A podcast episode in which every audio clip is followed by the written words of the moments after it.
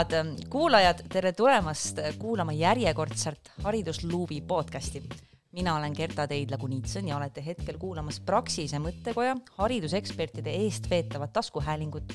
haridusluup saigi ellu kutsutud eesmärgiga võimendada valimisteel hariduse ja noortevaldkonna häält valimislubaduste analüüsimisel ning kommenteerimisel ja seeläbi soovimegi rikastada ka haridus- ja noortevaldkonna debatte kui sa oled jõudnud juba kuulata meie eelmisi haridusluupe, siis tead hästi, et esimene neist pühendus kõrgharidusele, teises osas rääkisime üldharidusest ja tänane keskendubki just noortevaldkonnale.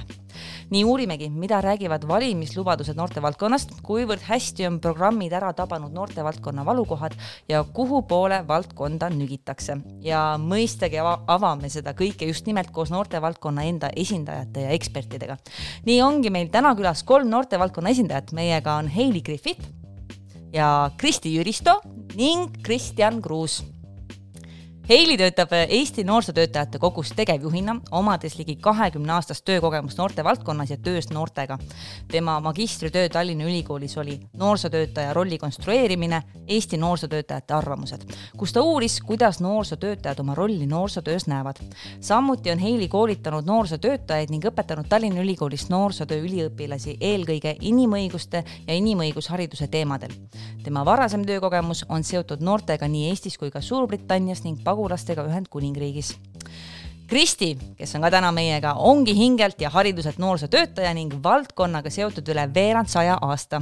tema tegemiste fookus on olnud noorte ja noorsootöötajate koolitamisel, seda nii täiendõppes kui tasemehariduses. hetkel töötab Kristi Tallinna Ülikooli Haridusteaduste Instituudis nooremteadurina ning uurib ülikoolist välja väljaulatavaid õpetamise ja õppimise praktikaid tudengite agentsuse vaates. sain korrektselt? said.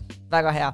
ja Kristjan on ka täna meiega siin. Kristjan ütleb enda kohta nii uudishimulik inimene, kes alustas teekonda noorsootöömaastikul pea kakskümmend viis aastat tagasi. täna tegutseb Tallinna Haridusametis ja juhib mittetöötavatele ja mitteõppivatele noortele suunatud programmi Hoog sisse ning seisab hea selle eest, et meeskonnas olevad inimesed saaksid pakkuda noortele võimalust edasi liikuda. tere tulemast meie saatesse! tere aitäh kutsumast! aitäh, et te tulite! ja hakkame tasapisi liikuma, alustame algusest, kohe päris algusest. ma tean, et tänase saate eel te uudistasite valimisprogramme, vaadates neid just nimelt noortevaldkonna kontekstis. Äh, mis te siis avastasite nendest programmidest, mis olid teie sellised äh, peamised märkamised? märkamisi oli mitmeid, aga ma olen eelnevalt ka uurinud eelnevatel valimistel äh, valimisplatvorme ja neid lubadusi aga paraku on nii, et ükskõik, mida välja lubatakse, siis äh, koalitsioonileping paneb paika täpsemad piirid ja üldjoontes jääb see siiski, mitte siiski, vaid jääbki see äh, ka üleriiklike eelnevalt kinnitatud normdokumentide raamesse. ja seekord, mis on välja lubatud, siis tegelikult nii mõnegi puhul tekkis mul küsimus, et mille arvelt see tuleb. et no need, kes noorsootöömaastikul täna seilavad, siis ega ei ole seda raha niimoodi või vahendeid kasutada piisavalt palju. ja kui meil siin äh, kirja pandud peaks hakkama nüüd ka rakendama, siis äh, mille arvelt tema tulema hakkab, on minu põhi, põhiline küsimus mm. -hmm. aitäh jah, nõustun Kristjaniga selles äh, küsimuses, et äh, vaadates neid äh, valimisprogramme ja, ja kokkuvõtted, mida head Praxise kolleegid meile tegid, tuues siis välja just need aspektid, mis puudutavad noortevaldkonda, siis üks suur küsimus, mida mina ikkagi kirjutasin sinna paberilehe kõrvale, oli kü-, kuidas.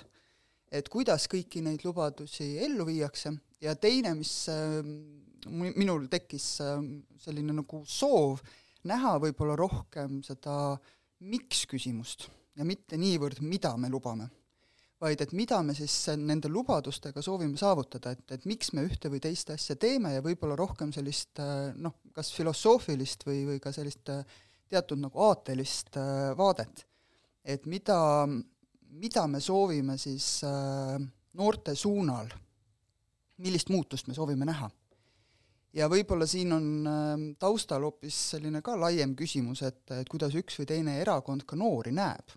et kas nad on selline vormitav äh, nii-öelda nagu savitükk, eks ole, kellest me siis mingil hetkel teeme korraliku kodaniku äh,, suunates neile siis kõikvõimalikke selliseid erinevaid äh, meetmeid, või et me näeme seda, et noor juba praegu, hetkel, on ühiskonna selline võrdväärne liige, kes võiks ka võtta sõna selles osas, et millisena ta näha, tahab näha seda nii ühiskonda kui ennast seal äh, tulevikuühiskonnas mm. -hmm.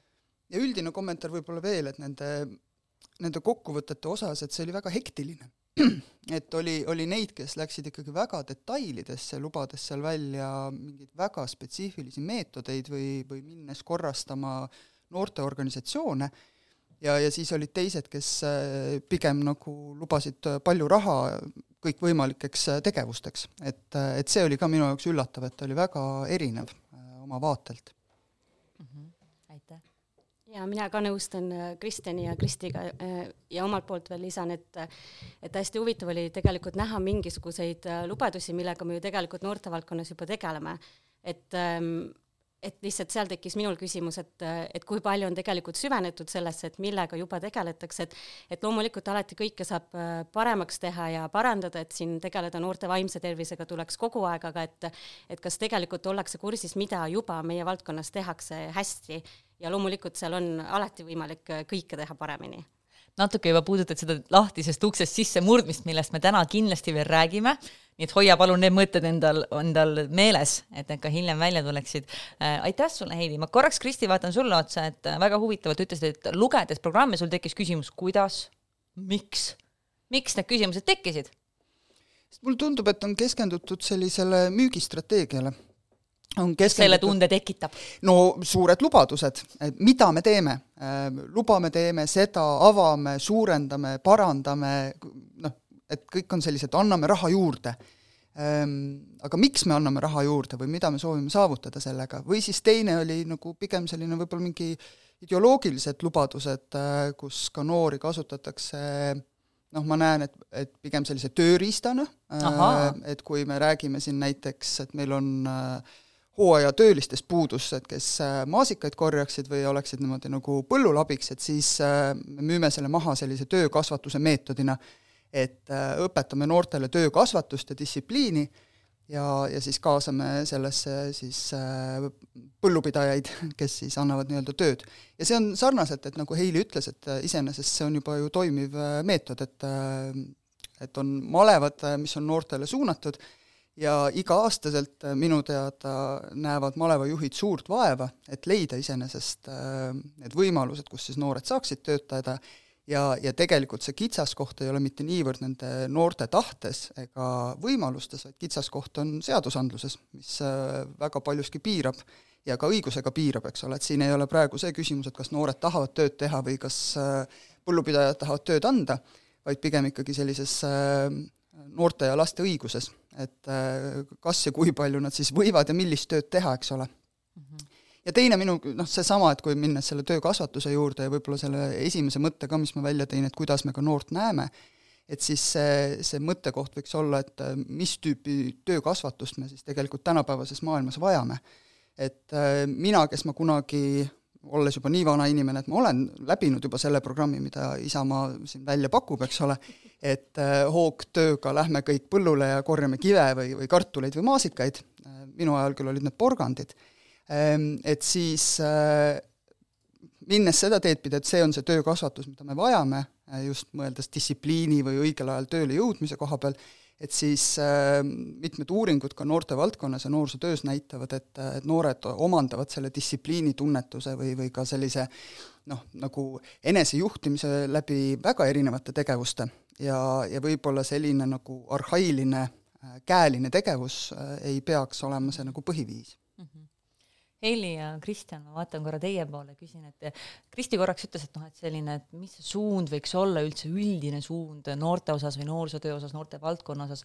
kuidas teile programme lugedes nüüd see taju tekkis, et mis see selline üldine nägemus siis noorte valdkonnas seal programmides on, on seda, ei ole seda, kui on, missugune see on? et kui korraks mõtlete selle peale.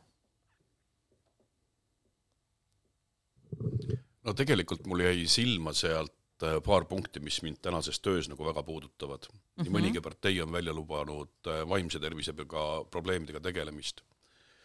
täna töötades mitteõppivate, mittetöötavate noortega, siis see vaimse tervise probleem on küll see, mis mind nagu kõnetab. et neid võimalusi on noortel puudu ja kui täna jõuab minuni noor, kes siis minu meeskonna või minu hinnang, minu, minu, minu meeskonna hinnangul vajaks vaimset, vaimse tervise abi, siis kui minna mitte rahakotiga lähimasse või äh, esimesse vaba aega omavasse äh, kliinikusse siis eh, see noor kahjuks jõuab leida endale ühe teise tee kui eh, vaimse tervise parandamise tee. et, et see, see, see on küll see teema, mis nagu mind kõnetab mm -hmm. tänas, tänastes platvormides mm. -hmm. küsin teistelt ka siis, et mis te märkasite, et kui hästi on need programmid tabanud ära ütleme, noortevaldkonna väljakutsed või põhiprobleemid või need praegused valutavad kohad Äh, üks mõte, mis mul tekkis just ka selle viimaste päevade uudiste valguses, et äh, laseris see teema, mis puudutati mm, -hmm. Ähm, radikaliseerumise teema, et jah, see vaimne tervis seal käib läbi ja see on väga selline popp teema ja see on ka teema, millega tõesti tuleb tegeleda ja me näeme seda äh, noorsootöös, et, et see on oluline teema, aga teiselt poolt äh, on veel teemasid, et et noh, ma päris nüüd ei oska seda kommenteerida, et kas seal näiteks äh, kõik see kliimateema läbi käib, aga et ütleme, noorte jaoks ja noorsootöös on need teemad ka olulised, et see radikaliseerumine, kliima, kõik sellised teemad ka, et seal ma nagu väga seda poolt ei näinud, et et võib-olla see vaimne tervis natuke on ka selline lihtne, et sellest me räägime palju, äh, seda on kohe hea lihtne sinna sisse panna, see kõnetab inimesi, aga tegelikult on ju neid teemasid veel, mis on meie valdkonnas sellised äh, olulised teemad, millega me peame kogu aeg tegelema mm. -hmm. aitäh! ja ma nõustun siin eelkõnelenud ja Äh, eelkõnelejatega. Ähm, just vaimse tervise teema, mis on välja toodud, ähm, ma nüüd ei julge pead panna pakule, et kas kõigis äh, programmides, aga väga paljudes.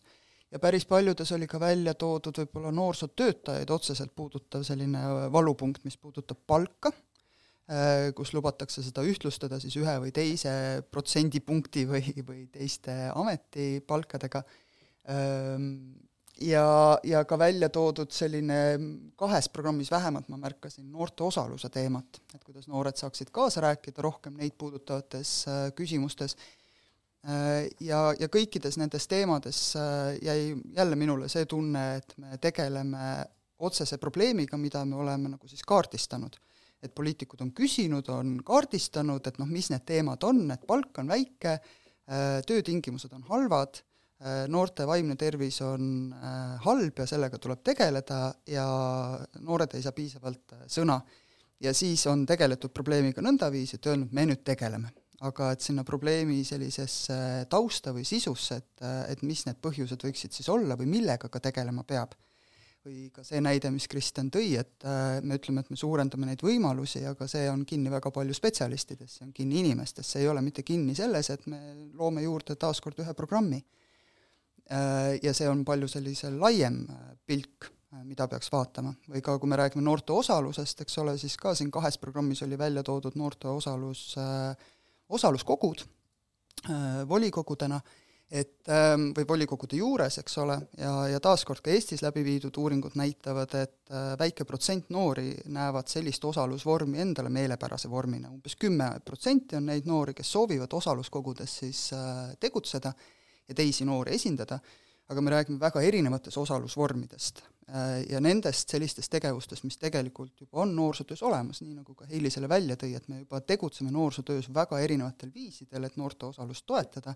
väga erinevatel tasanditel ja, ja väljundite näol, aga et äh, siin tundub, et nagu poliitikud ei ole niimoodi äh, süvenenud sellesse, et mis seal siis päriselt toimub, küsiti probleeme ja, ja siis nüüd me tegeleme nendega kohe annan Kristjanile sõna, aga enne veel kommenteerin just nimelt see noorte osaluse kontekstis, et et kuidagi levib see müüt, et noored ei osale, aga seda hinnatakse, seda noorte mitteosalust selles lauses hinnatakse kuidagi väga nende traditsiooniliste osalusvormide kaudu, mis on, ütleme, selline võib-olla vanematele täiskasvanutele meelepärasemad. aga üha enam ja enam me näeme tegelikult, et osalus on ka täiesti selgelt ju, ma ei tea, sotsiaalmeedias mingisuguse postituse jagamine sõnavõtmine, mingisuguse info levitamine, et, et kas selliselt me saame osaleda, panustada, eks ole, ja seista võib-olla enda väärtuste ja mõtete eest, aga nüüd äh, Kristjan, palun.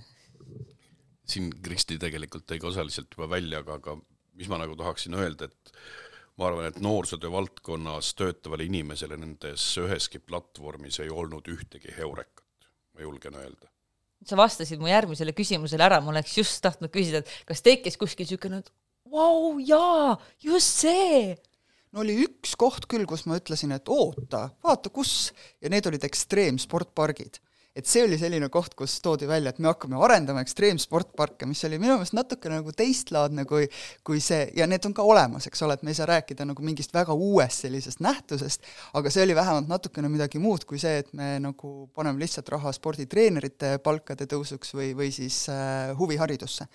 Et äh, natukene nagu sellist tänapäevast, tänapäevast vaadet võib-olla noortele, et millises maailmas noored elavad ja, ja mis on võib-olla see nagu ka nende selline noh, ma ei, ma ei ütle vajadused või soovid, aga, aga see maailm, milles nemad tegelikult tegutsevad, et see ei ole selline, nagu sa ennem tõid ka selle eelmise punkti ju koha pealt, eks ole, traditsiooniline vaade, ja mulle tundub, et siin on äh, sellised äh, noh, tahtmata nüüd kuidagi vihjata, aga et äh, keskealised meesterahvad on istunud laua ümber ja, ja otsustanud midagi. Ja nüüd ma juba näen, et Kristjan selle peale hakkas nihelema. Kristi jutt viis mind selle mõtteni ka, et võib-olla noh, mis ei olnud nagu üllatus, aga lihtsalt oli huvitav vaadata, et et mitme erakonna need platvormid noorsootööga seoses ikkagi on väga palju seotud ka meie julgeoleku ja kodukaitsega, et äh, me siin enne just arutasime, et et naljakas oli lugeda lauset, kus oli, et peame arendama naiskodukaitset ja noorsootööd. ja lihtsalt, et äh, väga tahaks teada, et mis see mõte või see loogika seal taga oli, et noh, me võime eeldada, et mis seal taga võib olla, aga aga võib-olla see mõte ka, et okei okay,, me saame aru sellest, et mis äh, mis meil siin kõrval toimub ja, ja me mõtleme julgeolekule rohkem ja erinevatel tasanditel ja ja erinevate ühiskonnagruppidele mõeldes, aga teisest küljest võib-olla see oht ka, et me kuidagi ikkagi seda noh, nagunii me kasutame noorsootööd, eks ole, mingite eesmärkide täitmiseks ja et me saavutaks mingeid eesmärke, siis äh, teeme neid noorsootöö tegevusi ja käsitleme neid teemasid, mis on nagu ühiskonna jaoks äh, vajalikud, aga võib-olla seal on ikkagi see ohukoht või natukene, mis teeb ettevaatlikuks, et et noorsootöö ei saa olla ainult äh, selle eesmärgi ähm, täitmiseks, et meil oleks äh, tagatud julgeolek ja, ja kõik see, et, ähm, et see oli lihtsalt ka selline huvitav, mis kuidagi kõiki neid läbi vaadates silma jäi see, mis sa just kirjeldasid, me kutsumegi seda julgeolekustamiseks. me seome kõik teemad ära julgeolekuga, sest tänases maailmas julgeolek on, on peamine teema ja nagu me näeme, kõik on vähemalt valimisprogrammide järgi julgeolek. Aga Kristjan, palun, tahtsid midagi lisada? võib-olla selle naiskodukaitse ja noorsootöö ühildamine tähendab seda nagu hinnang tänastele noorsootöötajatele, et eh, luuakse parem naiskodukaitsesüsteem, kes siis hakkab tegema lõpuks noorsootööd. Mine sa tea, seal ei Väga olnud täpsustust juures. Aga seda näitab aeg. Seda näitab aeg ja ilmselt koalitsioon. Ähm, kui palju te tajusite neid programme lugedes, et äh, vau, meie valdkonna inimesi on kaasatud nende programmide loomisse, kujundamisse või et jaa, et nad on seda koostöös nii-öelda meiega teinud? võrreldes võib-olla kahe-kolme-nelja valimistsükli taha on ikka päris palju seda keelekasutust tunda enam ei ole seal näha sellist äh, kobavat ja, ja, ja otsivat, otsivat sõnakasutust, vaid noh, kui ma neid lugesin, siis ma sain aru ja, ja kui ma ka metsa taha vaatasin, siis ma võib-olla nägin mingit pilti seal. aga, aga mõni, nii mõnigi valimistsükkel tagasi, siis ei olnud võib-olla noorsootöös sõnagi. nii ta on jah, et noorsootööd ja et Äh, siin ju sai ka üle loetud, et äh, Kristjan tõi välja, et kolm korda mainiti noorsootöötajat mm. -hmm. Äh, nagu täpselt sellise mõistena, et teda on kindlasti nagu rohkem kajastatud ja võib-olla ähm, ekstra välja tuues, siis mulle tundub, et Keskerakonna valimisprogrammi koostamise juures on olnud noorsootöö ekspert mis selle tunde tekitab? Ähm, sõnakasutus ja seal on välja Näiteks? toodud, no väga spetsiifilisi meetodeid on välja toodud, räägi-, rääkides siin mobiilsest või tänava noorsootööst mm. või väga sellist, et noh, et sa saad aru, et ahah, et inimene, kes on ka päriselt teab midagi noorsootööst, ähm, kas see ka seda kvaliteeti selle valimisprogrammis on nagu tõstnud, noh, see on vaieldav küsimus, et kas need lubadused või, või mida mida nagu välja käiakse, et kas nad äh, seetõttu on sisulisemad, seda ma ei, ei julge praegu siin kommenteerida nõndaviisi. aga et on näha küll jah, et on, äh, inimesed on nagu rohkem teadlikud. millest ma ikkagi puudust tunnen ja, ja see kuidagi haakub ka selle Heili mõttega, et kas noorsootöö on tööriist. Ja natukene sellesama teemaga, mis ma jälle välja toon, et et kas me näeme noorsootööd sellist nagu tööriista, millega me siis äh, vormime seda noort või me näeme nagu noorsootööd pigem sellise keskkonnana, kus noor saab siis ennast ise nagu vormida, et noh, et kas me oleme kujurid, äh, võttes selle savimütsaka ja, ja tehes sellest korraliku maksumaksja või kodaniku või äh, või eesrindliku äh, töötaja, või et siis me ikkagi näeme, et noorsootöö on selline laiem keskkond, kus siis noor saab ennast avastada, enese potentsiaali rakendada ja kuidagi seda maailma äh, Äh, läbi enda loomisega kujundada. ja siin ma küll jäin nagu toppama, et mulle tundub, et äh, seda äh, tänapäeva hetkepoliitikud ei, ei näe, et nad ikkagi pigem näevad, et noorsootöö võrdub teatud rahasumma ja siis ta võrdub teatud tööriist, mis annab teatud tulemusi.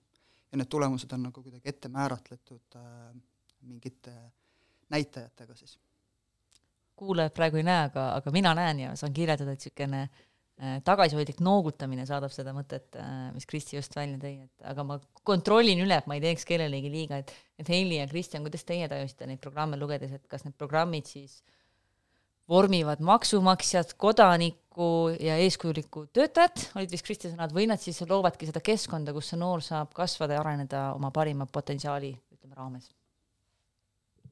nõustun Kristiga nõust-, nõustun ka ja võib-olla kommentaariks lihtsalt, et ega see ei ole ka mingi uus äh, teema noorsootöös, et, et mis see noorsootöö töö siis on, et kas ta on, selle eesmärk on vormida seda tulevast äh, täiskasvanud kodanikku, kes siis äh, käitub reeglitele vastavalt või ta tegelikult on midagi enamat, et, et loob neid võimalusi noorel juba praegu tõesti iseennast avastada ja ise oma teed valida, et et selle üle ju arutatakse noorsootöös, et võib-olla noh, ei peagi väljaspool noorsootööd inimesed võib-olla seda, no võib-olla ei mõtlegi selle peale, aga et meile noorsootöös on ikkagi tähtis, et, et me ei tee seda selle eesmärgiga, et, et ühel hetkel meil on siin üks tubli eeskujulik äh, täiskasvanu, kes seda ühiskonda edasi viib, vaid tegelikult see noor võiks juba praegu ühiskonnas äh, panustada, noh, mida me ju näeme ka, et et äh, ma ei tea, Greta, kes tegeleb kliimaaktivismiga, et tegelikult ju noored on meie ühiskonnas väärtuseks juba praegu. Ükskõik kui vanad nad on, ükskõik äh, kus nad oma arengus on, et tegelikult nemad saavad ka seda ühiskonda juba vormida ja, ja see on väärtus, et kui me noori kaasame, noh, miks me räägime noorte osalusest ja kõigest, et see on jugi selle mõttega, et, et kõik äh, ühiskonnaliikmed panustaksid ja me ei pea ootama, millal siis äh, need ühiskonnaliikmed saavad täiskasvanuks ja targaks ja siis alles palun panustage mm. -hmm jah, ja võtan sõnajärje üle ja mulle tundub, et see on see, millest mina tunnen programmides puudust, sellest, äh, sellest pildist, et millist ühiskonda noored sooviksid siis näha või siis millises ühiskonnas nemad sooviksid elada.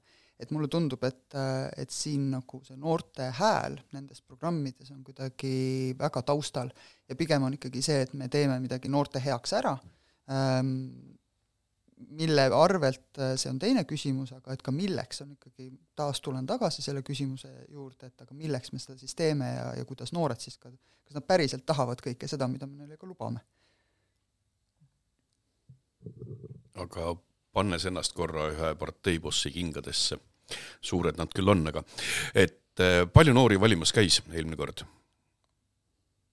Ei tea seda statistikat ja vaadates sulle otsa, siis ma arvan, see number tuleb sealt ära. ei tule. aga kui võtta selline keskmine lapsevanem, kes võib-olla käib rohkem valimas kui noor, siis mis on tema jaoks tähtis? lasteaed, korralik kool, huviring, lastelaager, ühel hetkel töömalev, ülikool et kui minna, minna, minna nagu väga varuosadesse, siis äh, võib-olla enam äh, potentsiaalne valija satub nagu segadusse ja läheb teise partei platvormi juurde. ja ma olen nõus sellega, selline lihtsus, et äh, lubame lihtsat, selget asja lubame raha. ja siis kõik saavad aru, et tuleb raha juurde. noh, muidugi spetsialistid küsivad, kust, mille arvelt, kuidas tuleb raha juurde. Võib-olla lihtinimene äh, lapsevanem siis äh, vaadates programmi ei küsi seda, et mille arvelt, tema ütleb, et tuleb raha juurde, on hästi. mina lapsevanemana ikkagi vaatan ka sinna taha ja mõtlen, et, äh, et kõigile spordiring, väga hea, super, kõigile spordiring, aga endiselt ma tahaks teada, miks kõigile spordiring, miks peavad kõik käima sportimas ja mõni toob siin välja, eks ole, et selline ka kehaline aktiivsus on oluline, millega ma ka nõustun. ja siis ma mõtlen seda, et, et iseenesest me võime ju öelda, et tuues siin nagu sellised näited, et äh, meil ju kõigil on võimalus äh, sportida iseenesest, et äh, rahvasporti teha, tervisesporti teha, käia õhtuti jooksmas, leida endal kuskil, kus on veel jäänud võib-olla majade vahele need vaiba kloppimis sellised äh, tel-, tellingud, eks võime ole. uhkemad ka olla, meil on päris palju välijõusaale ju. leiad ka välijõusaali ja oledki nagu, teed äh, tervisesporti. ja sarnaselt mulle tundub, et me vaatame praegu ka noorsootööd, võimalused on loodud. Äh, mis selle võimaluse sisu on ja mis selle võimaluse tulemus on. et see on minu jaoks nagu see võib-olla, mida ma tahaksin rohkem näha ja kui ma mõtlen ka, et noh, et võib-olla ei vaatagi erakonna juhti, eks ole, et, et siin sarnaselt, et võib-olla juhi roll on äkki rohkem eestvedaja, eestvedaja olla, eks ole, või, või selline nagu suure pildi nägija. aga et äh, need äh, inimesed, kes vastutavad võib-olla valdkonna eest ka erakondades, võiksid vaadata sinna mõiste taha rohkem -hmm. kui, kui mõelda võib-olla selle vormi peale. ja mitmetes äh, programmides ka jäi mulle just silma see, et lubatakse mingeid äh, noh, võimalusi, mis ongi vajalik, et võimalusi suurendatakse, kättesaadavust, juurdepääsetavust suurendatakse, aga see võrdub mitte rahaga, see võrdub inimesega. ja inimene võib küll, eks ole, tähendada palgakulu. aga mitmetes piirkondades ei ole raha mitte see, mille taha asjad jäävad, vaid jäävad mille taha jäävad? inimeste taha, seal ei ole inimesi, ei ole kvalifitseeritud inimesi, kes oskaksid seda tööd teha hästi. ja sellega seoses võetakse inimene, kes on kohapeal ja tal puudub ettevalmistus ja, ja puudubki seesama arusaamine, et miks ma seda tööd teen. ja sellest tulenevalt me jõuamegi sellesse, et, et võib-olla see kvaliteet, mida ka pakutakse noorsootöö äh, pähe, ei ole üldse mitte see, mis ta olema peaks. ja sealt tuleb ka see, et võib-olla kohalik omavalitsus ei saa ka aru, et mis see noorsootöö siis peaks olema, tulles äh, Heili sellise mõtte juurde, et et kas äh, see peaks olema selline laiem arusaamine, et mis, äh, mis noorsootöö endast kujutab või, või on ta selline valdkonna spetsiifiline arutelu koht. aga jah, et minu meelest on ka see, et me peaksime ikkagi rääkima rohkem nagu sellest, et et mida me, mida me tahame siis äh, luua nende võimalustega seal. et mitte see, et kõikidel on tagatud huviringi ligipääs, aga et mida see siis pakub see huviring. huviring huviringi pärast ei ole võib-olla see lahendus, et peaks mõtlema selle peale, et mis see suur plaan on, mis see pikk taotlus on või miks me midagi üldse tahame pakkuda, et mis selle nagu asja point justkui võiks olla, kui ma julgen selle välja öelda. aga Heili? jaa, oli sama mõte, et, et noh, ühest küljest ju väga tore, et kõigil on tagatud, aga teisest küljest, kas see ikkagi jõuab äh, nende noorteni või kas noh, noorsootöös samamoodi, et tegelikult ju kõik ka ähm, rahvusvahelise noorsootöö äh, võimalused ja et, et me ju räägime noorsootöös ka sellest, et, et osade noorteni kõik need võimalused jõuavad ja jõuavad mitmekordselt ja need, kes on need võimalused enda jaoks leidnud, siis nad äh, ka kasutavad neid, aga tegelikult meil on ju ikkagi äh, ports noori, kelleni need võimalused ka ei jõua, isegi kui need võimalused on loodud, et, et seesama küsimus tekkis seal, et noh, ühest küljest ju väga tore, et meil on see kultuuriranitsa summat tõst-, soov tõsta ja kõik, aga et, et kas see päriselt jõuab nende noorteni, kellel võib-olla on seda kõige rohkem vaja? Ja sest see jõudmine on ju teisel viisil, et see ei ole see, et mul on kuuskümmend eurot, aga kui mul ei ole ühtegi juhendajat või kui, kui minu piirkonnas on ainult judoring, ja aga, aga mina olen huvitatud siin võib-olla nagu kunstist või, või ka võib-olla seesama ekstreemspordist, eks ole, et, et siis kas see kättesaadavus on siis tegelikult olemas. Ja teine, kui me taaskord vaatame väiksemaid piirkondi, kas see tähendab siis sit-, seda, et me hakkame looma ühele noorele ratsaringi ja teisele noorele, eks ole, siin maali sellist võimalust, maalimist arendada, neid oskuseid et noh, et, ähm, et siin tekib paratamatult neid äh, väga palju selliseid praktilisi küsimusi. millele peaks otsa vaatama. ma korraks äh, teen väikse tagasihüppe, sest ma näen, et siin tekib, vähemalt minul tekib hästi palju küsimusi, mida veel arutada edasi, aga et ma ei unustaks ära, et kui me räägime valimisaktiivsusest, kas te julgete ennustada praegu, mis oli kohalike omavalitsuste valimistel, kakskümmend üks aasta siis, eks ole, kuueteist, seitsmeteist aastaste valimisaktiivsus? julgete ennustada? Kas ta oli kaheksateist, üheksateist protsendi lähedal või? oleme natukene lootusrikkamad enda noorte osas. võime olla küll, jaa. Nende, selle vanuserühmas oli see valimisaktiivsus umbes nelikümmend protsenti. kaheksateist kuni kahekümne nelja aastaste seas oli see juba madalam, aga siiski üle kolmekümne. vot, aga nüüd on see selgeks tehtud, eks ole nüüd me teame seda. küsin niimoodi, et mis oli nendes programmides üle? Mida, mida lugesid, vaatasin, noh, ei no vahva, aga noh, tegelikult ei, ei aitäh mis, mis jäi sellist silma? kui jäi ja kui ei jäänud, on ka okei okay,, te võite seda ka öelda. no minu jaoks kas just üle, aga võib-olla liiga spetsiifilised olid mõned lubadused. Ähm, näiteks? no näiteks Reformierakond arvas, et loovterapeut peaks olema igas koolis, et äh, teaduslikud uuringud näitavad, et loovteraapia on äh, vaimsele tervisele ja sellisele äh, inimese heaolule kasulik. ja mm -hmm. ma täitsa nõustun, et muidugi Ehm, samas on ka palju teaduslikke uuringuid, mis näitavad, et kehaline aktiivsus on vaimsele tervisele kasulik ja sotsiaalsus ja nii edasi. et võib-olla siin selline nagu väga spetsiifiline lähenemine, et just loovterapeut, see on, et äh, see tekitas küsimusi või äh, rohelised äh, äkki olid, kes lubasid välja töötada spetsiifilisi programme ähm, sotsiaalsete oskuste arendamiseks ja siin ma taaskord ütlen, et need programmid on välja töötatud ähm, nii Eesti kasvatusteadlased koostöös äh, praktikutega need on tõenduspõhised, aga pigem on siin küsimus rahastuses. et äh, need on tavaliselt sellised projektipõhised äh, välja töötatud lähenemised äh,, kui projekt saab otsa, saab raha otsa ja sinna hääbub ka seesama programm. ja siin kindlasti ma paneksin nagu tähele selle või kuidagi tõstataksin äh, ka selle küsimuse, et, et kui me lubame midagi välja töötada, siis on see, et kes seda siis teeb, et kas seda teeb poliitik või ametnik või loodetavasti seda teevad ikkagi need inimesed, kes, kellel on see ettevalmistus või valmisolek sisuliselt seda teha. et siin me ikkagi räägime praktikutest ja, ja teadlastest, kes võiksid seda koos teha, et, et mitte siis selline valimisprogrammis, et meie nüüd töötame sellise lähenemise välja mm. -hmm noh, jah, et see võib-olla ei ole nagu üleolemine, et mis on nagu programmis üle, aga, aga siin on pigem selline võib-olla liiga spetsiifikasse minemine mm. -hmm. see on väga huvitav, et sa seda ütled, väga tihti ei kohta äh, seda mõtet, et issand, need programmid on liiga täpsed liiga spetsiifilised.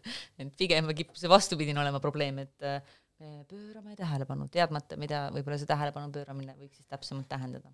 aga, aga Heili ja Kristjan, mida teie märkasite? Kui ma esimest korda lugesin. kõlab nagu sa oleksid neid hästi mitu korda lugenud. tegelikult ma töötasin nad läbi mitu korda küll jah, sest äh, need on ju kõik väga kõlavad. aga ühel hetkel mul tekkis selline KOV-i äh, valimiste tasand. et äh, riiklikult võiks nagu sedasi kuidagi me valime ju Riigikogu ikka, ma ei aja midagi segamini. sa ei aja midagi sassi. et äh, tekkis selline KOV-i tasand, sest kas või ka, ka need ekstreemasjad ja, ja noh, see on KOV-i tasand et riik praegu liiga palju ronib nii-öelda kohaliku omavalitsuse võib-olla see kõlab hästi. ma ei tea, kas kõlab. ma ei tea jah, siin oli palju sellist äh, kus kohalikul tasandil luuakse midagi ja seal taaskord, olles töötanud äh, aastaid tagasi, kui kohalikud omavalitsuste ühinemisprotsess toimus, äh, mitmete omavalitsustega, et toetada just seda noorsootöö valdkonna arengut läbi selle ühinemisprotsessi, siis äh, need kitsaskohad seal kohalikus omavalitsuses äh, ei ole niisama lihtsalt lahendatavad, et me loome sinna töökoha juurde või paneme raha natukene juurde või äh, pöörame rohkem tähelepanu. et need on nagu märksa mitmetahulisemad ja mulle tundub, et riiklikult äh, öeldes, et me paneme äh, vist olid sotsiaaldemokraadid, kes lubasid juhtumikorraldaja igasse omavalitsusse juurde tuua, et siis see tekitab taas selle minul täpselt sama küsimus, et aga et kust, kust me leiame selle inimese. et kui me vaatame praegu äh,, mitu kuud me räägime sellest, et äh, mine Ida-Virumaale õpetajaks, saad nagu topeltpalga äh, ja ei tundu, et on praegu hordidena jooksu sinnapoole, et, et ainult raha tooks inimesed piirkonda elama. Et siin on märksa selline laiem regionaalpoliitiline vaade, mis minu meelest mõjutab väga palju kohalikku tasandit. Ja siis võib-olla riiklikult peaks rohkem mõtlema äkki seda, et kui praegu äh, on kohalikule omavalitsusele pandud kohustus noorsootööd korraldada enda omavalitsuse piires, et kas sellega peaks hoopis kaasas käima siis kas mingi konkreetne rahasumma riigi poolt või siis ka soovitus, et millise protsendi eelarve raames see korraldus peaks toimuma, sest see võib tähendada väga erinevat lähenemist, eks ole, et mõnel pool see tähendab seda, et me korraldame nõndaviisi, et me teemegi lahti ühe toa, me paneme sinna tööle ühe inimese ja sinna ette teemegi siis sellise ronimispuu ja ütleme, et tagatud on ligipääs, kättesaadavus ja, ja noorele mitmekülgsed arenguvõimalused. ja, ja siin on jälle see küsitav, et et kas see nõndaviisi on ja teisalt täiesti mõistetav ka omavalitsuse vaates, et kui tõesti äh, raha napib ja me praegu ju oleme ka meediast kuulnud, mitmed omavalitsused on siin pankroti äärel, et siis kuskilt tuleb seda raha kokku hoida ja siis on ju kõige lihtsam hoida sealt, kus ei ole otseselt piiri ette pandud, mida ma tegema pean või, või kuidas ma seda tegema pean. ja siin on võib-olla tõesti see, et et ka need lubadused, nagu Kristjan ütles, on võib-olla ühelt poolt sellised omavalitsuse tasandil ja teisalt jälle riik ei, ei toeta minul, minu silmis vähemalt seda omavalitsust äh, siis selle, selle noorsootöö kui ühe valdkonna elluviimisel me oleme nagu andnud äh, kohaliku omavalitsuse vastutada selle valdkonna, ütleme, et see on sinu töö, aga me ei anna sulle mitte midagi kaasa, et seda nii-öelda ellu viia, saan ma teist õigesti aru? noh, me anname kaasa teatud juhised, et sa pead noorte volikogu ellu kutsuma, eks ole. jah, just, et nagu seal on mingid teatud sellised, sellised nagu mõned üksikud sellised suunad, mida peaks tegema, aga et üldiselt on see avatuks jäetud ja iseenesest ma ei ütle, et nagu see on kuidagi halb lähenemine mm. -hmm. et ma kindlasti ei tahaks minna tagasi seda teed pidi, et kus meil on nagu üks suur riiklik mm. programm, eks ole, ka siin üks äh, erakond pakkus välja selline töökasvatusprogramm, et lähevad noored hommikul äh, rehad õlal, eks ole, põllule ja siis tulevad õhtul äh, väsinud sammuga, aga, aga selle eest rind punnis, sest et on saavutanud tänase eesmärgi. Et noh, et ma kindlasti ei taha seda teed pidi minna, et meil on suured riiklikud programmid või sellised tahtearenduskeskused, aga, aga mõelda võib-olla jah, nagu riiklikul tasandil, et kuidas me seda kohalikku omavalitsust nende erinevate valdkondade arendamisel siis toetada saame. ja võib-olla see, et me paneme sinna rohkem kohustusi äh,, noh, sellega peab kaasnema mitte ainult siis ka raha, aga sellega peab kaasnema märksa laiem selline vaade ja, ja siin taaskord ma kutsun üles vaatama erinevaid uuringuid ja seda, mida me juba teame. Et, et mida me teame ka koostööst, mida me teame sellest, et kuidas seda koostööd ka suurendada kohalikus omavalitsuses, et noori toetada, ja väga tihti selles äh, koostöö suurendamise juures ei ole mitte märksõna see, et rohkem inimesi peab laua ümber olema, vaid või, võib-olla rohkem see, et me teame sellest, et äh, mida üks või teine valdkond pakub, mis see spetsiifika on ja me usaldame Äh, sellist professionaalsust. korraks toon siia täiesti uue küsimuse sisse, äh, mis on seotud sellega, Heili, mis sa enne siin korraks nähtavaks tegid, laser. Äh, kes ei tea midagi, siis ma kohe annan paar märksõna ka, ärge muretsege, et, et viimases laseris käis läbi Andrew Tate, niisugune nimi. tuleb välja, et väga paljud noored on hakanud teda jälgima, aga, aga tegu on siis, kuidas ma ütlen, võib-olla natukene äärmuslike vaadetega ja noored kipuvad, mitte ei kipu, aga samastuvad nendega või, või soovivad siis samastuda nendega ja, ja me näeme, et see on levimas ja, ja sealt noh, üks vaade näiteks on see, et õppimine on skämm. et sul ei ole vaja õppida, et traditsionaalne haridus on, on täiesti mõttetu, seda ei ole vaja, see ei aita sind kuidagi. ma näen Kristjani nägu, ta näeb natukene hirmunud välja. Need on päris hirmutavad mõtted, ma olen hästi nõus sellega nii. ma lihtsalt ei tea sellest saatest mitte midagi äh... ja sellest teemast ka mitte. aga seda olulisem on see korraks nähtavaks teha, sest mulle tundub, et see läheb hästi selgelt nagu noorsootöö mänguväljale ka. Äh, ja teine selline suur mõte on seal, et noh, et mitte kunagi ei tahaks töötada. et töötamine on ka nõme, et riik orjastab et töö on, töö on asi, mille kaudu riik sind orjastab ja sunnib veel maksma makse ja et tegelikult noh, elu peaks olema üldse nagu chill im ja vabam ja, ja nagu mõnusam nüüd vot niisugune asi on, on nagu liikumas, eks ole, globaalselt, see ei ole ainult noh, Eesti mure, see on, see on globaalne mure. kuidas need tänased programmid, mis seal kirjas oli, aitaksid niisuguse asja vastu võidelda. kust mul see mõte tuli, oli lihtsalt see, kui, kui Kristi tõi välja, et rehad õlale ja lähme kõik tööle. et kas siis see on see, mis aitab meil nagu võidelda väga äärmuslike ideede vastu või, või teha nagu nähtavaks, et miks võib-olla need äärmused ei ole see, kus see tõde elab, ütleme siin maailmas no ma ei tea, kuulates praegu seda reklaami, mis sina välja käisid, eks ole, et et traditsiooniline haridus äh, ei toeta kuidagi õppimist. see ei ole, ma ütlen kohe välja, see ei ole minu vaade, vaid see lihtsalt, ma vaatasin suu lahti seda saadet ja ma näen, et Heili noogutab, mulle tundub, et Heili saab aru, millest ma räägin, et et see on nagu päriselt seal väljas olemas, sest see toimub praegu ja täna. ma saan öelda, et ega ma nagu otseselt vastu ka ei hakkaks sellega mm, -hmm. et ma arvan, et õppimine leiab aset väga erinevates vormides ja viisidel.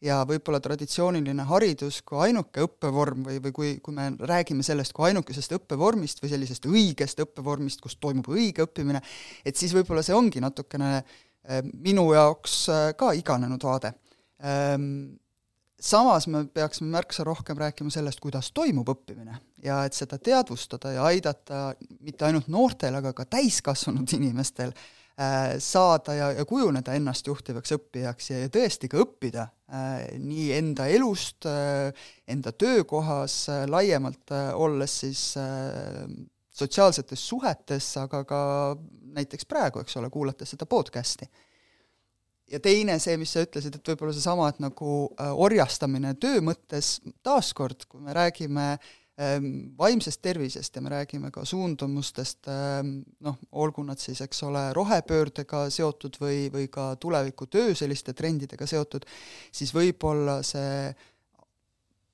noh, ka, et teatud traditsiooniline vaade äh, töötamisele äh,, mis oli minu meelest ka ennem, ütleme, sellist pandeemia aega, et me käime tööl äh, kellast kellani, meil on tükk, mis me teeme ära ja kui see on tehtud, me lähme koju. et noh, et see ongi juba ju murenenud ja võib-olla peakski laiemalt vaatama ja kui tulles nüüd selle, et mis on see noorsootöö roll, siis äh, ma näen, et siin ongi noorsootöö roll väga suur. et äh, ühelt poolt tõlkida võib-olla seda tänapäevast noorte maailma ja ka seda võib-olla nagu väärtusruumi, tõlkida noh, ma ei ütle, et vastuvõetavasse keelde, üldse mitte nõndaviisi, et nagu, et noorte keel ei oleks vastuvõetav, aga võib-olla nagu noh, rohkem niimoodi sarnastes mõistetes, et millest siis me räägime, kui me räägime sellest, et elu peab olema chill. et ma arvan, et äh, selline heaolutunne, äh, et ma lähen ka heaolutundega tööle ja ma naudin seda, mida ma teen ja ma ei saagi aru, et võib-olla ma töötan otseselt, eks ole, aga ma panustan nii enda arengusse, ühiskonna arengusse kui võib-olla mõnda valdkonna arengusse, et siis mulle tundub, see kõlab väga nagu chill'ina ja see võiks olla äh, see, mida ka noorsootöö pakub. Ja see ongi see võib-olla, et, et ähm, selgitada ka seda minu noh, kuidagi valu teemat, mida ma välja toon, seda küsimust, miks, eks ole, et võib-olla see, et mis erakonna programmides on puudu, et seesama vaade, et äh, millises maailmas tänapäeva noored elavad ja see arusaamine, et sellele maailmale või, või kuidagi sellele valmisolekule vastata, et seda ma nendes programmides mm -hmm. tõesti ei näinud. E, ja siin ei ole üldse küsimus minu meelest radikaliseerumises kui sellises, vaid selles samas nagu tõlketeenuses, e, mida me vajame.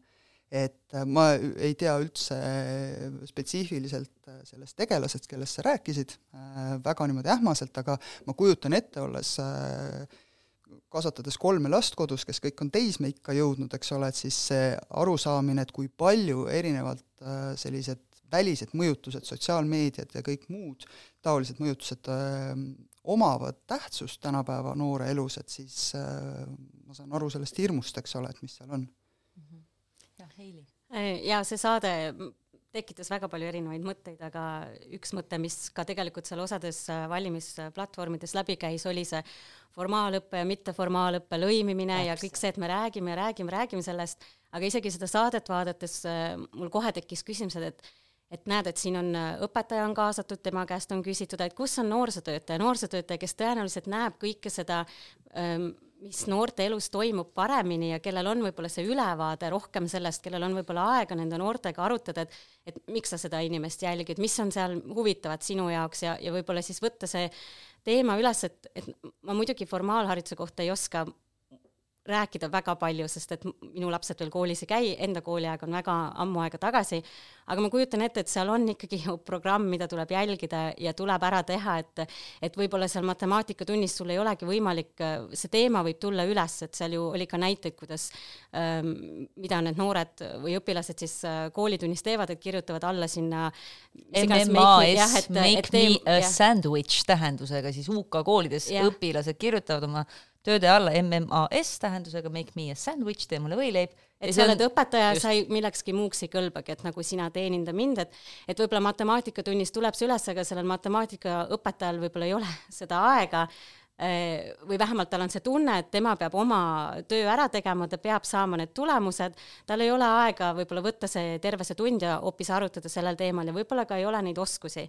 aga et just siin ongi, et meil on noorsootöötajad, kellel on need oskused ja kes võiksid siis tulla sellel teemal arutada või aidata või kuidagi seda koostööd, et et jah, et, et see oli üks mu mõte, et okei okay,, siin räägib õpetaja, kellel mulle tundub, et äkki tal on endal mingi noorsootöö taust, sest et ta kuidagi äh, nagu minu jaoks, mul tekkis see huvi, et kas tal on mm -hmm. endal mingi noorsootöö taust sellel õpetajal või, või kuidagi, et ta rääkis nagu noorsootöötaja minu jaoks. ja see oli väga tore ähm,.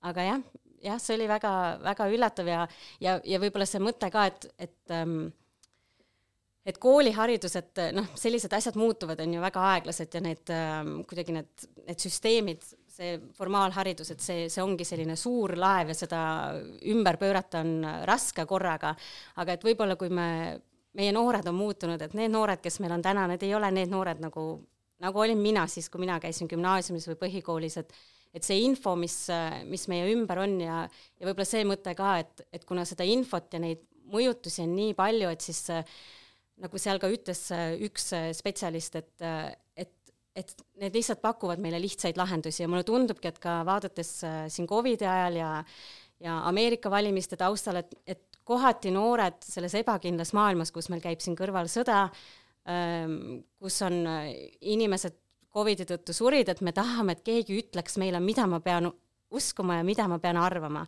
et ühest poolt, ühelt poolt nagu on see arusaadav, et, et noored võib-olla otsivadki neid, noh, ka need noored, kes eile seal või seal laseris äh, oma arvamust avaldasid, see oli ju, see oli väga val-, mustvalge maailm, äh, mida nad usuvad. ja tegelikult me ju täiskasvanutena, kui vähegi kriitiliselt mõtled, sa saad ju aru, et aga et see maailm ei ole mustvalge.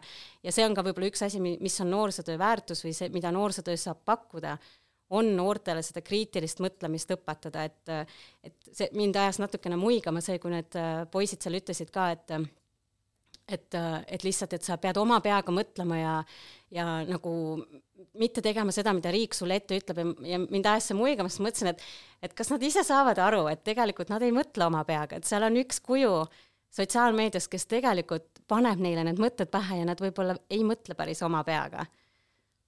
Me näeme ka igasugustest tulevikuvajaduste uuringutest, tulevikuoskuste uuringutest, et just nimelt selline analüüsivõime kriitilise mõtlemise võime on midagi, mida, mis järjest nagu süveneb vajadus selle järgi, ütleme maailmas ja tööturul.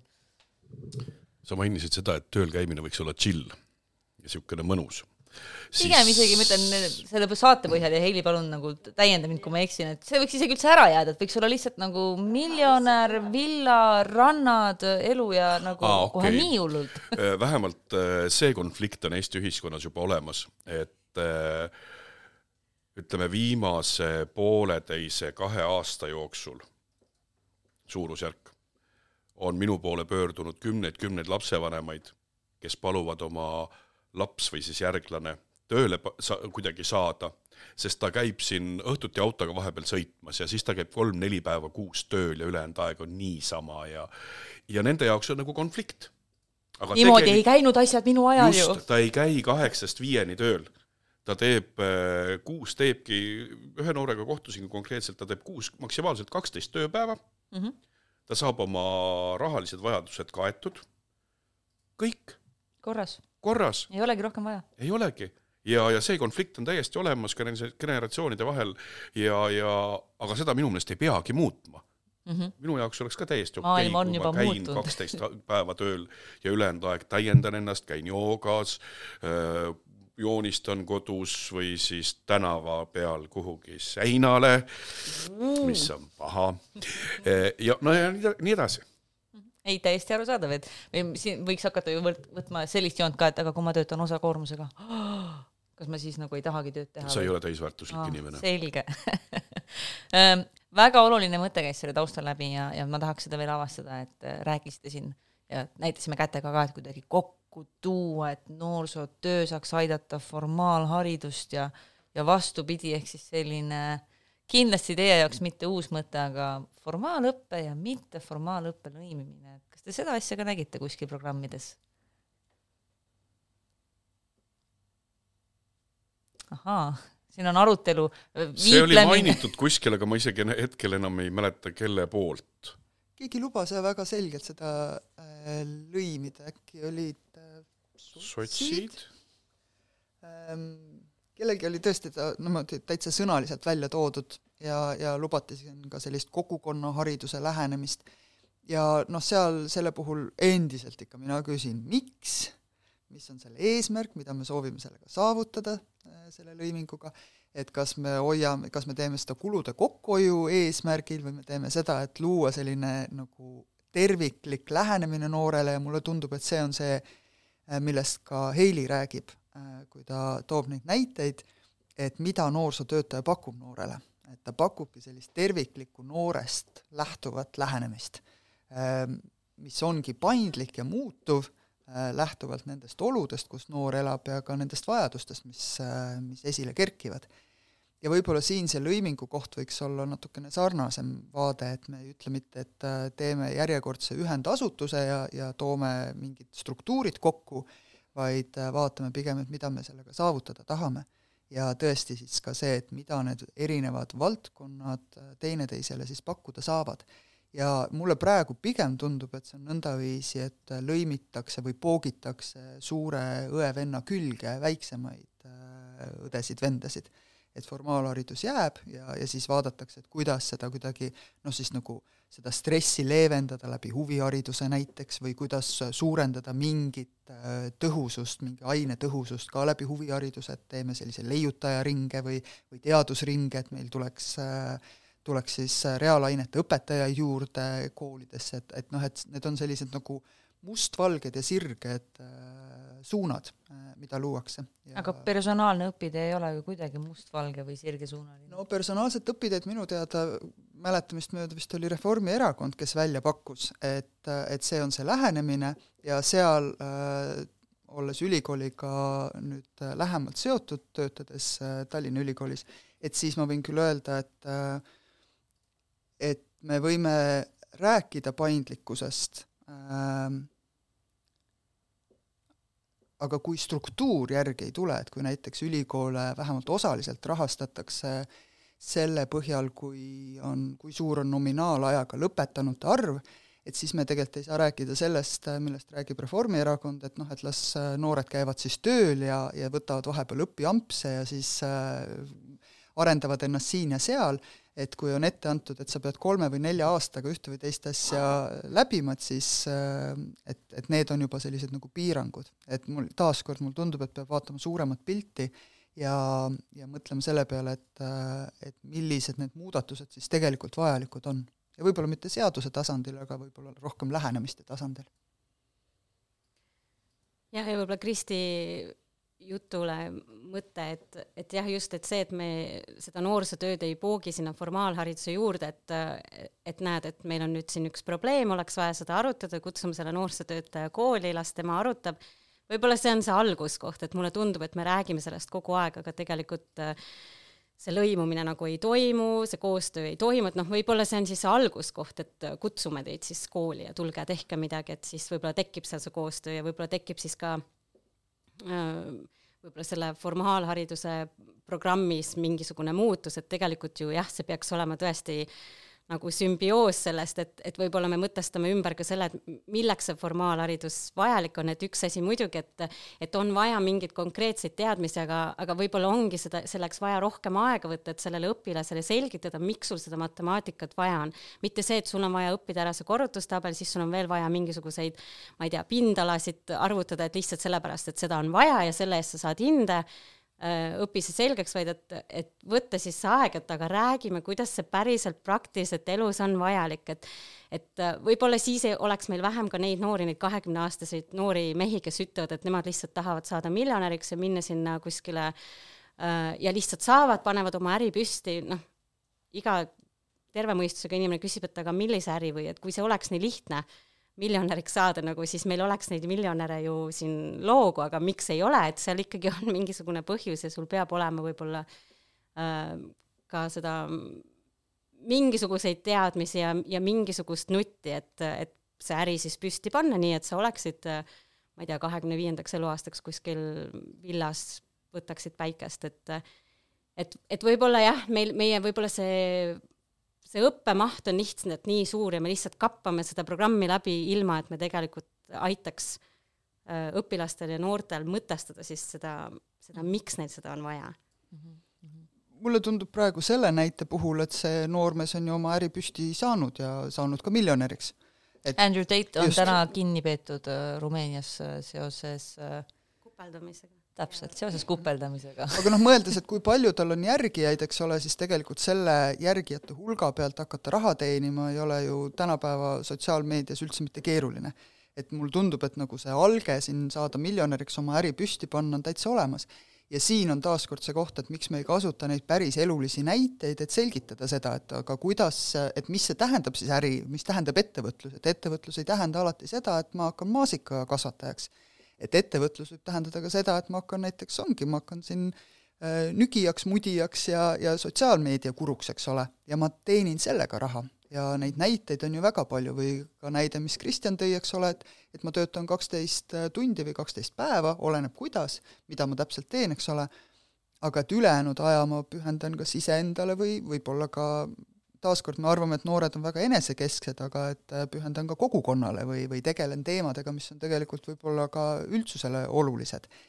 Ehm, ja teine, mis ma mõtlesin ka Heili selle näitega, et, et me õpe-, õpetame matemaatikas korrutustabeleid või või selliseid algteadmisi pindala arvutamisest, et ma arvan, et nagu algteadmised ongi vajalikud, et liikuda edasi järgmisele tasemele, aga siin seesama arusaamine, et aga kuidas ma neid rakendada saan, et see ei ole nagu äh, ainult ütleme, töövihikus, eks ole, selline ülesanne, kus ma arvutan välja, et kui suur peab olema laudlina, eks ole, kui laud on nii suur Äh, aga et see võibki olla noore enda elust tulenev, et kui me räägime näiteks äh, rulatajatest, siis nad arvutavad välja mingi obstaakli, ehk siis selle, mille peal siis sõidetakse, arvutavad välja selle pindala ja saavad vajaliku vineerikoguse, et seda ehitada, eks ole.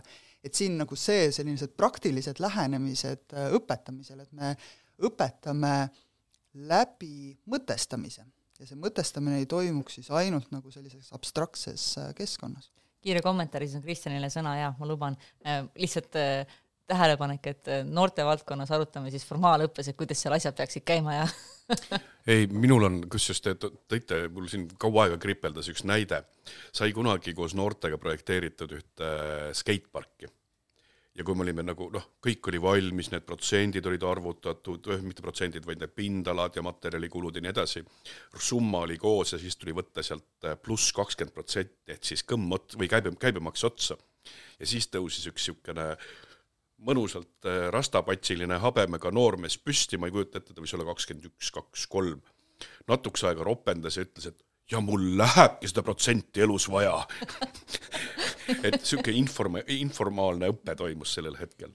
ja teine, see formaalõppe ja mitteformaalne õppe sidumine, seda kindlasti saab teha ka riiklikul tasandil aga käies nüüd hindamas noorsoo kvaliteet, noorsootöö kvaliteeti valda, kohalikes omavalitsustes, siis Eestis on olemas üks kohalik omavalitsus, kes algselt hindas enda selle formaal- ja mitteformaalhariduse sidusust nagu nulliga põhimõtteliselt, aga kus äh, kool arvestab seda, kui õpilane käib huvikoolis, kui äh, õpilane käib konverentsil, kui õpilane käib äh, trennis, ta ei pea tegema nii mõndagi, näiteks kehalisest kasvatusest need tippsportlased olid seal täiesti vabastatud seetõttu, et ta võib teistele lihastele liiga teha, mida tal selle tippspordiga tarvis ei ole. ja samamoodi, et kui ta muusikakoolis juba omandab seda kõike, siis ta oli õpetajale abiks ta aitas selgitada teistele, mismoodi see joolemi käib ja, ja, ja miks need modulatuurid niimoodi ja teistmoodi toimivad. et äh, jaa, seda saab kindlasti riiklikult teha, aga see peab olema väga tugev KOV-i tahe tegelikult. sest äh, koole küll, koole haldavad meil tegelikult ju KOV-id ja sealt hakkab see pihta, kui see matemaatikaõpetaja siiski ei taha sellest noorsootöötajast mitte midagi teada, siis võib minister käskida ükskõik millise äh, formaalaktiga äh,, aga see matemaatikaõpetaja ei aktsepteeri seda mitte mingil juhul. vabandust minu pessimismi tuleme ühe teema juurde, mida ma lubasin äh, meie saate alguses, et me kindlasti täna räägime, räägime nendest lahtistest ustest. ehk siis äh, kui palju või kuivõrd teil jäi programme lugedes silma lubadused või sellised nii-öelda väljaütlemised, mis tegelikult täna juba realiseeritakse, mis on juba noorte valdkonnas ammu käigus, aga näed, programmist loed justkui oleks mingi uus asi tulemas. loeme kõik ette või ma tahaks täpsust et, et mis seal, mis seal oli siis täpsemalt? Ei no tegelikult minu jaoks Eurekat ja uut ei olnudki, et, et sellest ühes või teises võtmes on kõiki nagu kuuldud, kõikide nagu, kõiki nagu tehakse, aga nüüd lubatakse seda paremini teha, raha juurde anda ja miskit moodi justkui nagu paremini tööle panna. ma ei tea, nõustute või ei nõustu? jah, rohkem äh, rohkem võib-olla oli roh-, jah, see märksõna, et nagu rohkem ja rohkematele ja ja suuremalt teeme aga kui me räägime huviringide kättesaadavusest, siis iseenesest koolis on äh, olenevalt taaskord piirkonnast, eks ole, on äh, väga palju erinevaid huviringe, mis on ka õpilastele kättesaadavad üldjuhul tasuta, aga siin jälle piirkonna eripärad äh, mängivad rolli. Mingid programmid, mis minu meelest ka juba praegu toimivad, mida lubatakse, et me hakkame neid looma, siin taaskord tuleks vaadata, et mis on juba see, mis toimib ja kuidas võib-olla tõhustada Äh, seda kättesaadavust või koostööd ja, ja mida me siis päriselt peame nagu tõhustama või mida me päriselt peame siis toetama, et see kättesaadavus suureneks. et noh, seesama, et tulles tagasi vaimse tervise esmaabikoolituste juurde näiteks, eks ole, siis on ju neid koolitusprogramme välja töötanud mitmed äh, mittetulundusühingud, kes neid pakuvad ja pakuvad ka tasuta. Aga siin on pigem taaskord see küsimus, et kuidas inimesed jõuavad nende programmideni mm, -hmm. et kui me näiteks räägime noorsootöötajast ja väga suur protsent Ähm, kohaliku tasandi noorsootööst leiab aset äh, noortekeskuses ja väga suures osas noortekeskuses on tööl üks noorsootöötaja, siis on see küsimus, et kuidas tal on võimalik üldse minna koolitusele, ilma et ta sulgeks äh, noortekeskuse näiteks. pean vajalikuks öelda, et see noorsootöötaja on samas ka juhataja, koristaja, remondimees, autojuht, nõustaja ja teinekord ka juhtumikorraldaja, keda siin äh, ühes programmis öeldi, et peaks igas piirkonnas olema. ja no kindlasti ta viib läbi mitmeid huviringe, mida tuleb ka jälle suurendada ja laiendada. ehk äh, et siin nagu vaadata, noh, kutsun üles vaatama probleemi taha, mitte nagu probleemile peale ja ütelda, et äh, paneme sinna plaastri peale, toome rohkem raha, aga et mida see raha toomine siis peaks endaga kaasa tooma. ja võib-olla mm -hmm. siis on need lubadused ka natukene teistsugused mm. -hmm. annaks teile ühe ülesande tähelepanu kohe läks lakke. Äh, annaks teile kolme peale siin äh, mõne minuti aega, et te siis kolmekesti ühise arutelu tulemusena leiaksite kolm kõige sellist ähm, olulisemat asja või aspekti, mis vajab noortevaldkonnas ja noorsootöös äh, kohest muutmist põletavamad asjad, küll aga need kolm asja, mis te koos kokku lepite, peaksid kõlama siin saates prioriteetsuse järjekorras, vot siin, siia see koer maetud ongi, eks ole, et te peate leidma ka selle kooskõla, mis on, mis on siis teie arvates see prioriteetide järjekord.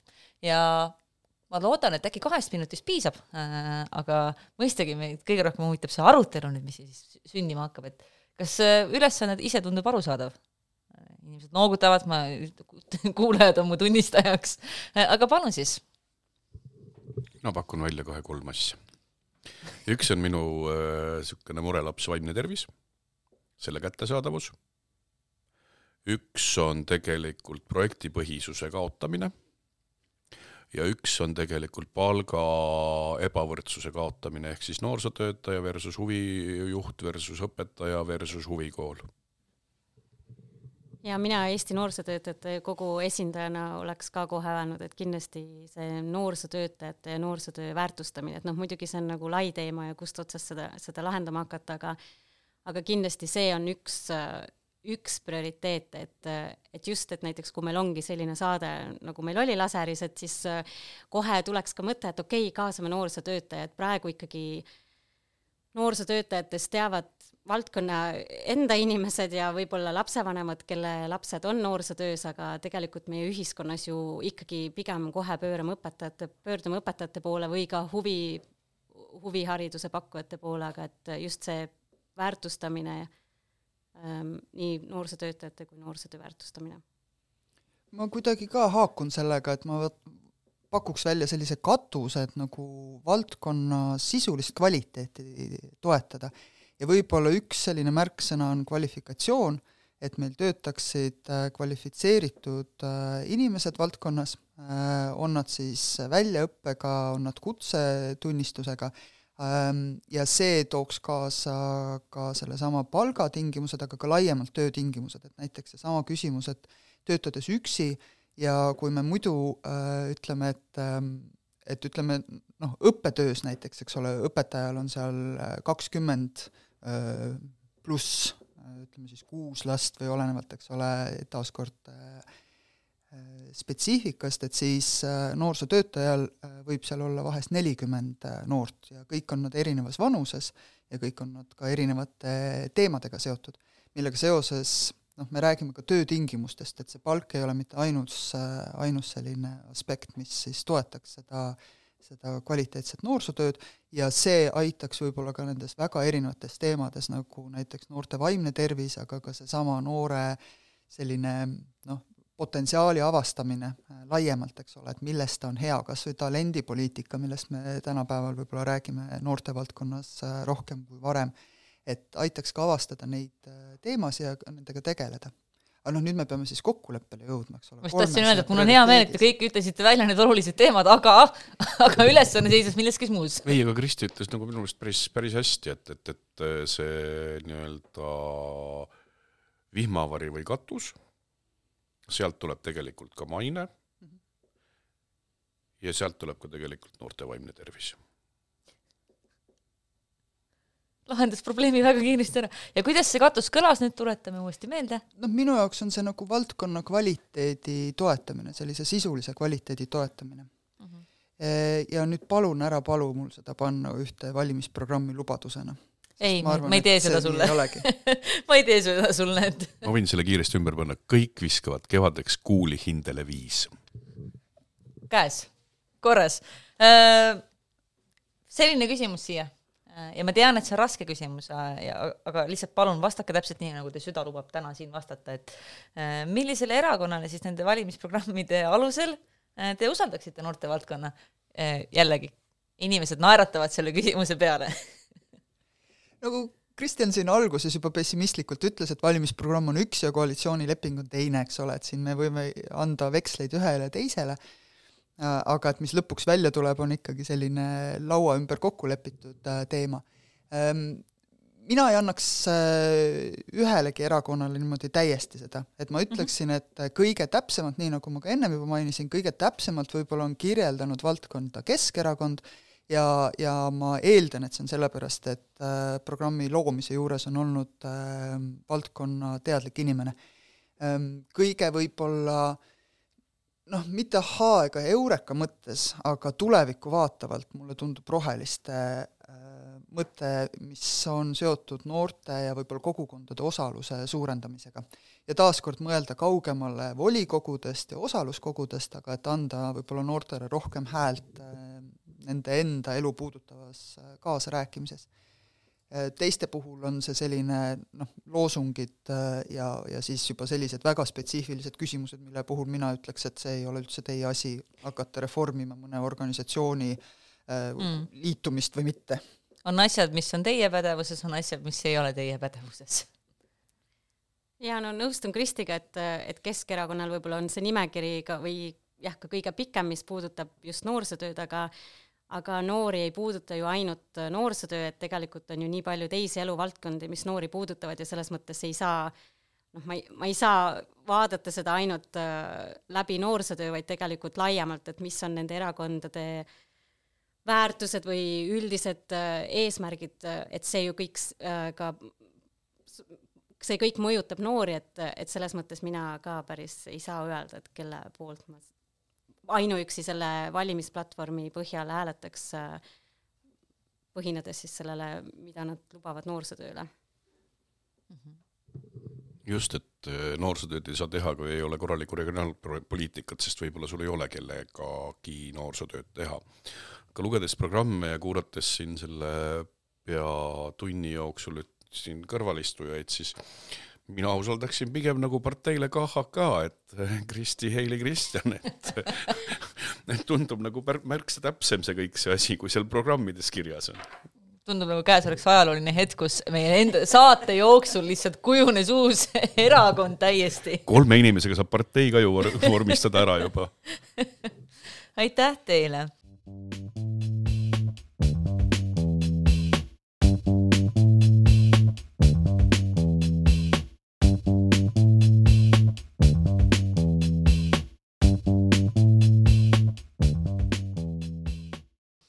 me oleme nüüdseks vaadanud erakondade programme erinevate nurkade alt, äh, nii selles osas, mida noortevaldkond vajab, mida ta võib-olla ei vaja praegu ja missugused programmid on hetkel enim ehk tabanud ära noortevaldkonna, ütleme, suurimad valukohad ma tahaks loota, et iga noortevaldkonna huviline on leidnud enda jaoks siit olulisi mõtteid, mida edasi mõelda.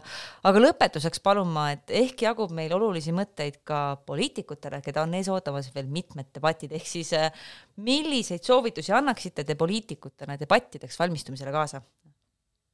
selline küsimus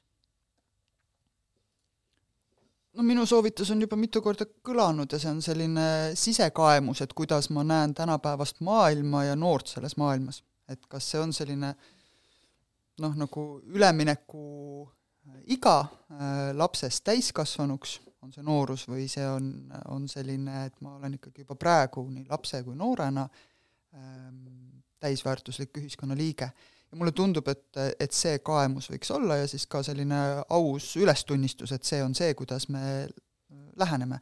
Ehm, minu isiklikul hinnangul nii mõnigi poliitiline partei on iseenesest võib-olla selle lähenemisega välja öelnud ühel või teisel viisil, aga et äh, võib-olla ka teised võiksid seda nagu enda jaoks niimoodi kuidagi mõtestada -hmm. et äh, jah. tuleb veel mõtteid? Ma ei oska debattidele nagu midagi soovitada kaasa öelda, aga, aga pigem on nagu see, et kui sa lubad, siis tee ka palun. sest noor mäletab, noor on täiesti normaalne inimene. et kui sa talle lubad ikkagist ekstreemprogramme ja, ja pärast äh, koalitsioonilepingus oli äi tulnud välja, noh, siis ta ei tule järgmine kord sind valima. ja täitsa viimase asjana küsin ka veel, et Heili, kas sa tahad midagi lisada praegu, ei taha mm? -hmm. andke üks soovitus valimiste kontekstis äh, noortele või siis noortega töötavatele inimestele. noortega töötavatele inimestele on mul küll äh, see soovitus, et aegade jooksul on nähtud sellist enne valimisi mõne partei tutvustamist ühes või teises kontekstis. et kui tutvustada, siis tutvustadagi kõiki parteisid, kas siis järgemööda või koos, mitte piirduda ühe parteiga, kes, kelle, kel, kelle liige juhuslikult on su sõber aitäh! minu soovitus võib-olla noorsootöötajatele oleks, et äh, mitte neid valimisi karta ja samal ajal ka tegelikult ühe osana oma tööst kuidagi tajuda seda vastutust, olla ikkagi kursis päevapoliitiliste teemadega, sellepärast et äh, et ühelt poolt võib ju mõelda, et, et mul on need noored siin minu ees, ma tegelen nendega ja nende vajadustega, aga tegelikult sul on vaja näha seda laiemat pilti ja seda, mis ühiskonnas laiemalt toimub, et, et seda kuidagi nagu adekvaatsemalt teha või et sul on see laiem info, mille põhjalt sa võib-olla mingisuguseid otsuseid oma töös ja eesmärke sead, et, et kindlasti tuleks nende päevapoliitiliste teemadega kursis olla ja mida me võib-olla ka oleme siin viimaste aastate valimiste jooksul näinud või mina oma töös just, et et Eesti on ju nii väike, et me kõik äh, kuidagi otsapidi tunneme mõnda poliitikut, et tegelikult äh, ka meil on see vastutus, et, et need programmid äh, saaksid sellised, nagu me tahame. ja Eestis meil on see võimalus, sest et meil on nii väike riik ja me kõik tunneme kedagi ja tegelikult ka noorsootöötajate hulgas on inimesi, kes on poliitiliselt aktiivsed et, et minna julgelt ja rääkida juttu ja, ja võib-olla siis need programmid äh, edaspidi on ka veel rohkem sellised, nagu me ise neid näha tahame. aitäh sulle noorsootöötajatele ma soovitaksin vaadata ka neid valimisprogramme ja, ja selline nagu see on hea võimalus vaadata peeglisse ja näha seda, kuidas teised meid näevad mm. -hmm. ja võib-olla ka seda, et kuidas nähakse ka laiemalt äh, noort kui sihtrühma.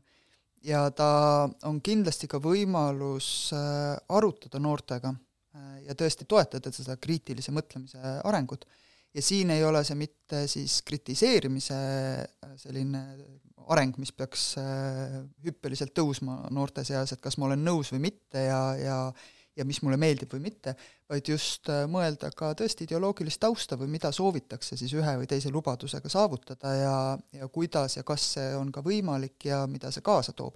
Eks see on selline suurepärane õppematerjal minu meelest ühiskonna toimivusest ja, ja sellest ka, et millised on need sellised hoovad ja ka seesama mõte, mis Eili välja käis, et kuidas me ise saame ka mõjutada seda, äh, neid valimisprogramme, aga ka seda, mis siis edaspidi äh, tuleb. ja nii noortele kui, äh, kui noortega töötavatele inimestele kui kõigile teistele, kellel on valimisõigus käes, soovitan mina minna valima. Kas sa annad oma hääle või ei anna oma hääle, siis, siis mõjutad sa neid tulemusi ikka. ja siis on lihtsalt see selline nagu äh, teadlik äh, hääle andmine tundub mulle mõistlikum kui, kui see, et ma seda teen huupi mm, -hmm. jättes valimata. Just selline saigi noortevaldkonnale pühendatud Haridusluubi osa. loodame, et täna kõlanud mõtted, arutelud ja ideed on toeks ka läbimõeldud otsuse tegemisel valimistel. aitäh meie saatekülalistele kui ka kõikidele kuulajatele ja nii ei jäägi muud soovida kui häid otsuseid valimistel aitäh teile! aitäh!